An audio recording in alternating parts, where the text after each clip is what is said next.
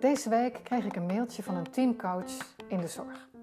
En ze schreef me: Ik heb vele jaren workshops feedback gegeven en ik moest met leden ogen toezien dat het niet de gewenste vruchten afwierp. Na het lezen van uw boek, waar ik tijdens de lockdown ineens de tijd voor had, snapte ik waarom. Na eerst een klein beetje in mijn wiek geschoten te zijn, nou ja zeg, heb ik al die workshops dan voor niks staan geven, was ik ook wel een beetje opgelucht. Omdat ik nu eindelijk snap waarom het niet werkt. Nou, dat bericht ontving ik deze week nogmaals van een teamcoach in de zorg. En omdat er ongetwijfeld heel veel mensen zijn die haar verhaal herkennen, een podcast over de zin en onzin van de feedbackworkshops en het nut van de mindshift. Veel plezier! Eigenlijk is het logisch dat een workshop feedback onvoldoende effect sorteert of tijdelijk maar effect laat zien of uh, nou ja, misschien helemaal niet. Er liggen een aantal aannames aan ten grondslag aan de opbouw van die feedbackworkshops.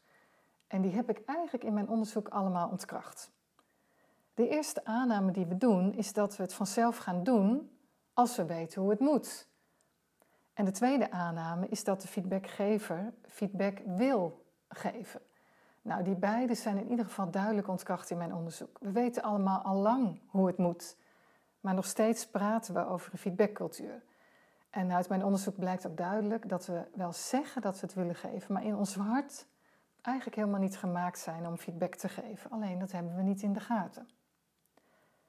En de derde aanname die we eigenlijk doen in feedbackworkshops is dat gedrag tot stand komt in een autonoom functionerende entiteit. Bij feedback wordt bijvoorbeeld geen rekening gehouden met de invloed van de organisatiecontext of uh, van de feedbackgever op de totstandkoming van dat gedrag van die ander. Dus we gaan er eigenlijk van uit dat het gedrag wat degene die wij aanspreken vertoont, tot stand komt los van ons en los van de rest van de context van ons werk. En dat klopt natuurlijk eigenlijk helemaal niet. En de vierde aanname die we doen in feedbackworkshops is dat gedrag en prestaties de uitkomst zijn van zijn of haar eigen vrije wil. Dat degene die we gaan aanspreken of de ontvanger van die feedback, dat die bewust voor dat gedrag gekozen heeft. Maar zelf weten we maar al te goed dat heel veel van ons gedrag onbewust en soms ook per ongeluk tot stand komt. Dus ook dat is eigenlijk naïef. En de vijfde aanname die we doen in feedbackworkshops is dat de ontvanger in staat is om een gedeeld perspectief op zijn gedrag op een consistente manier te verwerken en dan zichzelf ook nog aan te zetten tot nieuw gedrag. Dat hij dus kan veranderen en dat hij ook wil veranderen. Nou, ook daarvan weten we eigenlijk inmiddels allemaal al wel dat het soms gewoon niet lukt. Ook al wil je veranderen, dat je het soms gewoon niet kan. En het verwerken van die feedback, ja, hoe consistent en consequent zijn we daar zelf eigenlijk in? hoeveel en hoe goed luisteren we eigenlijk echt naar de kritiek die we zelf krijgen? Kortom, deze vijf aannames zijn absoluut achterhaald. Een cursus feedback volstaat niet omdat deze geen rekening houdt met de natuurlijke hobbels die we te overwinnen hebben, de instincten eigenlijk, de instinctieve neigingen die ons tegenhouden. Stop dus met het doseren van de feedbackregels. Boek niet nog een workshop feedback geven in de hoop dat het nu wel gaat draaien. Er zit natuurlijk veel waarde in het streven naar een ik-boodschap en het onderscheid maken tussen observaties en interpretaties en het uitleggen van wat het gedrag met jou deed. Maar deze workshops gaan absoluut voorbij aan ons instinctieve gedrag en aan de neigingen die we allemaal eigenlijk te overwinnen hebben voordat we überhaupt bereid zijn om iemand aan te spreken op zijn of haar gedrag. Feedbacktrainingen leren ons niet defensief te reageren, maar ze leggen niet uit hoeveel we ook innerlijk moeten overwinnen voor we ons kwetsbaar en aanspreekbaar kunnen opstellen. Dus ook die andere kant, ontvanger zijn, zijn we veel minder goed in dan we denken of dan we dachten tot nu toe. Als we moeten aanspreken of als we aangesproken worden, zit ons primaire instinctieve gedrag ons simpelweg in de weg. Alleen realiseren we ons dat niet. En dat begrijpen is een belangrijk deel van de oplossing. In een eerdere podcast heb ik die zes verklaringen die we te overwinnen hebben, allemaal alles voor, een, op je, voor jou op een rijtje gezet. Dus de eerste stap is natuurlijk herken die instincten en manage Actief. Het belangrijkste is ons te realiseren dat het probleem rondom aanspreken niet zit in wat we doen of in wat we niet doen, maar het probleem zit in hoe we erover denken. Stuur dus niet op het aanleren van vaardigheden, maar op de juiste mindset. We vinden allemaal dat we elkaar te weinig aanspreken op gedrag. Toch doen we het niet vaker en blijven we praten over het creëren van een aanspreekcultuur. Maar nogmaals, die oplossing ligt dus niet in het aanleren van nog meer vaardigheden, maar in het veranderen van de manier waarop we tegen aanspreken aankijken. Het zit niet in wat we doen of wat we niet doen, het zit in hoe we erover denken. We kunnen nou eenmaal niet met zekerheid zeggen wat de intentie van die ander, de feedbackontvanger, wat die intentie was en wat er in zijn hoofd omging toen hij dat gedrag vertoonde waar wij ons zo aan stoorden. En we kunnen ook niet zeggen in hoeverre hij in staat is er iets aan te doen. En dat is wederzijds. Aanspreken maakt de wederzijdse afhankelijkheid zichtbaar. De ander beschikt eveneens over relevante informatie die je zelf niet hebt of niet kunt zien. Toen jij in datzelfde moment gedrag vertoonde waar die ander zich misschien wel aan ergerde. Aanspreken is een beetje als puzzelen.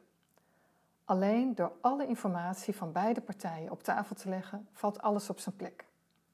Jouw bedoeling en zijn of haar bedoeling, jouw interpretatie en die van hem, hoe zijn gedrag op jou overkwam en hoe jouw gedrag op hem overkwam. Ervaar jij het woord aanspreken ook als betuttelend of belerend? dan ga je dus eigenlijk uit van één richtingsverkeer. Probeer in je hoofd aansprekers te vangen, vervangen door bespreken of misschien reflecteren. Bespreek het gewoon en stel vragen. Zeg wat je in de weg zit en luister hoe die ander dat ervaart. Probeer er twee richtingsverkeer van te maken. Je zou eigenlijk die benodigde verschuiving in mindset als volgt kunnen samenvatten. Nogmaals, van aan naar bespreken. En dus van eenrichtingsverkeer, ik praat tegen jou, ik gooi die feedback bij jou in de schoot en je ziet maar wat je ermee doet, naar tweerichtingsverkeer, praten met, in plaats van dus praten tegen. Van stellend, ik zie het zo en hier heb ik last van, naar vragend en onderzoekend. Wat gebeurde er nou eigenlijk precies? En wat deed ik waardoor jij? En wat was jouw intentie? Van wat is er mis met jou naar wat ik nodig heb. En van jij bent het probleem en jij hebt iets te leren, naar ik ben misschien ook wel onderdeel van het probleem en wat kunnen wij ervan leren? En persoonlijk vind ik die het lastigst. En van of en denken dat het of empathisch is of direct. Denken dat het gaat over of een conflict aangaan of de relatie goed houden. Of jouw schuld of die van mij. De slag maken naar en. We kunnen en empathisch en direct tegelijk zijn. We kunnen en het conflict aangaan en de relatie goed houden of sterker nog zelfs verbeteren. En het kan best jouw schuld zijn en mijn schuld. Het gaat dus eigenlijk over de slag van een woordenwisseling naar een goed gesprek. Of anders gezegd, zoals ik het in mijn boek verwoord, van darten naar puzzelen. Probeer er in het volg eens een proces van te maken. Dus niet een feedbacktraining en een workshop en hopen dat het dan klaar is. Maar vervang de feedbacktrainingen liever door een proces waarin je mensen leert te reflecteren op hun eigen gedrag en op het gedrag van die ander. En er is best veel discipline voor nodig om dan regelmatig te analyseren wat ging er nou goed en wat ging er minder goed. Kweek die discipline eigenlijk. En uh, train elkaar in het scherp observeren van de consequenties van je eigen gedrag en van het gedrag van anderen op jou. En leer echt te luisteren. Het is zo moeilijk echt te luisteren. Probeer ik ook eens te luisteren naar wat in bijzinnen gezegd wordt of naar wat niet gezegd wordt. Dat klinkt misschien een beetje raar, luisteren naar wat niet gezegd wordt. Maar richt je op de bijzinnen en die kleine stukjes achter de komma. En schep ruimte om te oefenen met kritiek vragen. Kritiek vragen gaat altijd net iets makkelijker dan kritiek geven. En als je elkaar wilt helpen om daarin te leren, begin dan aan de top. Door een train-de-trainer-achtige opzet kunnen managers en medewerkers in een later stadium ook elkaar trainen of coachen. En deel vooral wat het oplevert, deel de successen. En ga dan niet nieuwe overlegmomenten plannen, maar gebruik alsjeblieft gewoon de bestaande overlegstructuren. En plan daar regelmatig even, bijvoorbeeld aan het eind van ieder kwartaal, een half uurtje in het bestaande overleg voor hoe werken wij nou eigenlijk met elkaar samen? Hoe gaat het nu eigenlijk? Omdat het zo tegennatuurlijk is, dat aanspreken, zullen we actief moeten blijven oefenen. Misschien wel ons hele leven lang.